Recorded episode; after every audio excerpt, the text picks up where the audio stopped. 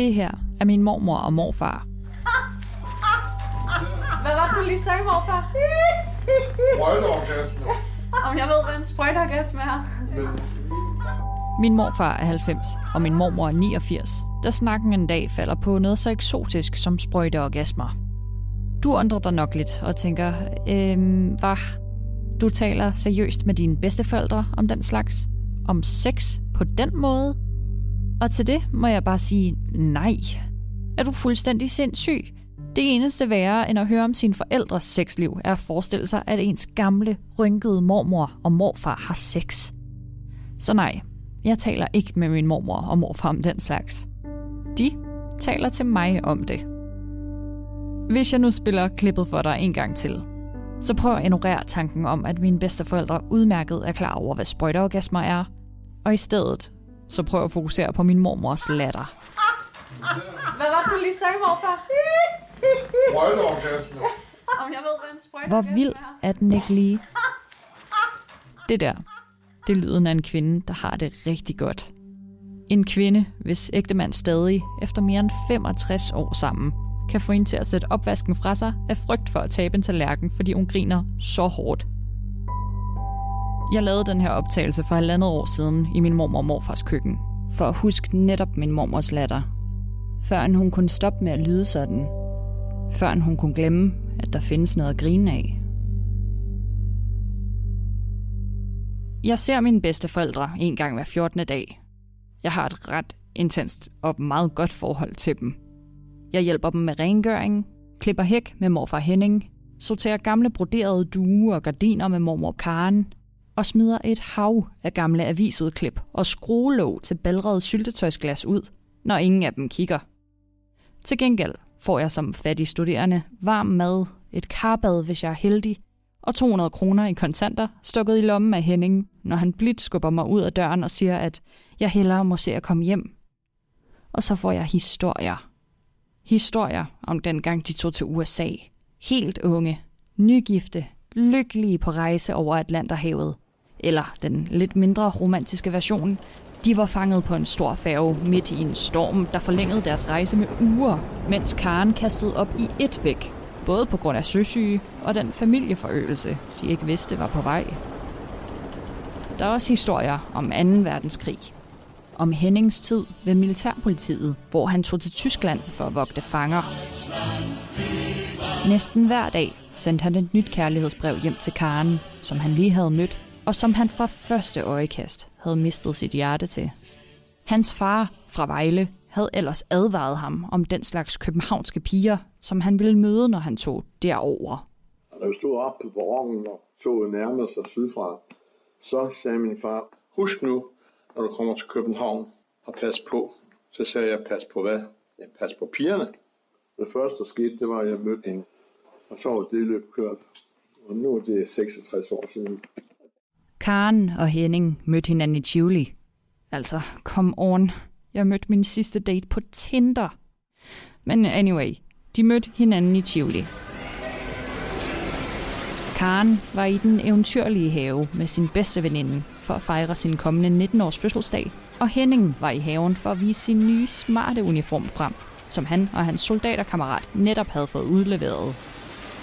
De skulle udstationeres til Tyskland i den kommende uge, og havde fået overlov for inden til at slå sig lidt løs. Og selvom hans far som det sidste havde sagt, Husk nu, når du kommer til København, og pas på. Ja, pas på pigerne. tænkte Henning ikke, at der kunne ske noget ved at hilse på de to smukke kvinder, der stod foran ham i køen til den allerede dengang ikoniske bjergrutschebane. Særligt den spinkle brunette havde fanget hans opmærksomhed. Henning var faktisk nærmest nødt til at introducere sig selv. Hans ven havde nemlig bailet på ham i køen til bjergrutschebanen, da han ikke ligefrem var den modigste soldat i regimentet. I hvert fald, så stod morfar alene i køen. Han havde stukket sin billet til forlystelsen i sin smarte nye barat og let nu alle andre steder end i hugekanten efter den lille papirlap, mens han snublede over ordene og forgæves forsøgte ikke at se panisk ud over for de to unge kvinder, han netop havde introduceret sig til. De må da godt få et klip i min billet, tilbød den mørkhårede Karen. Dengang der sagde hun de til mig. Hun sagde, de må da gerne få et klip i min billet. Så en respekt. Det er røgfløjten nu. Men, øh, men så fik vi... Det var ordret, sådan det skete. For som du kan høre, er det her lidt af et hammer romantisk meet cute, der gennem årene er blevet nævnt i et utal af taler, og som jeg bliver fortalt cirka hver anden gang, jeg ser en af de to gamle. Karens veninde var heldigvis en ordentlig wingwoman, og besluttede sig i sidste øjeblik, desværre ikke at tage en tur med i rutsjebanen. De to satte sig altså ned sammen, og efter bare det første store sving i forlystelsen, der sender de gamle vogne bulrende gennem en tunnel, greb mormor fat i morfar med et hvidglødende fast greb. Og hun slap ikke hans hånd, før de var ude af mørket igen.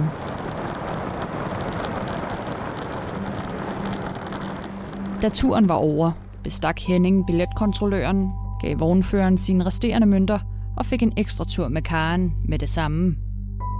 Her, 65 år senere, bor de i Farum, en rimelig steneren bydel for enden af en S-togslinje i Storkøbenhavn. De har to børn, hvor den ene blev født i USA, tre børnebørn og virker meget lykkelige. Det sidste tør jeg godt påstå, for som du nok har gættet, så har de stadig sex, og det er altså rimelig goals. Forleden gjorde jeg rent, og jeg gik lidt rogue og besluttede mig for, at deres toiletskabe også skulle have en omgang. Til min store forfærdelse fandt jeg fire. Fire forskellige slags Viagra. Jeg stod chokeret med dem i hånden, da morfar han kom ud på badeværelset. Han fik et smørret smil på læben, da han så mit skræmte udtryk. Hey Karen, kom lige, råbte han. Se, hvad hun har fundet. Derefter fulgte en lang seance af to gamle gubber, der rottede sig sammen og fortalte om, hvorfor der var fire forskellige mærker. Nogle virker jo med det samme, forklarede mormor. Andre skal han tage om morgenen, og så virker de gradvist i løbet af dagen. Så kan man køre flere gange på et klip. Ja, rutsjebanebillet-analogier er ikke ligefrem det, der er størst mangel på ude i Farum. Men selvom det var forfærdeligt pinligt, så var det der faktisk en af de gode dage. For hun lød så glad og stolt af, at de stadig havde gang i soveværelset. Demens er en super mærkelig ting. Jeg forstår ikke, hvad det er, der måske er i gang med at ske. På ældresagens hjemmeside står der, at Alzheimers sygdom er en uhelbredelig hjernesygdom. Ved Alzheimers er der tale om en skadelig ophobning af et proteinstof mellem hjernecellerne og inde i hjernecellerne. Det betyder, at hjernecellerne ikke kan fungere og går til grunde. Sygdommen fører også til mangel på signalstoffet acetylcholin, som hjernecellerne bruger til at og så videre og så videre.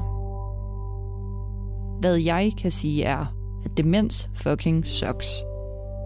Det er en mærkelig kappe af ligegyldighed og vrede, som truer med at sænke sig over min mormor.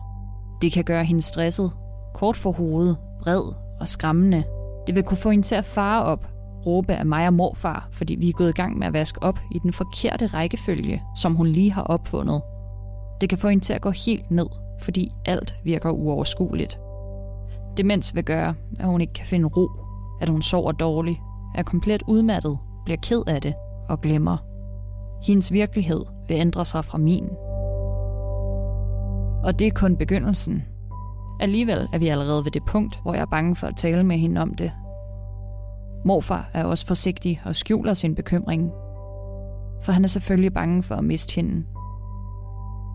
Bange for at miste den kvinde, der for 65 år siden gav ham et klip i sin billet De må da gerne få et klip i min billet. og tog ham på sit livs rutsjebanetur på tværs af Atlanterhavet. Bange for den person, som han ikke kan leve uden.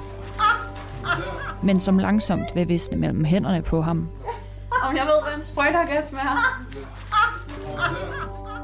Min mor og far har sagt, at det er for hårdt for mig at komme ud hos dem så ofte. At jeg bør tænke på, hvordan hun vil påvirke mig. For jeg er mere end almindeligt tæt med mine bedsteforældre. For fanden, vi snakker over om sprøjteorgasmer.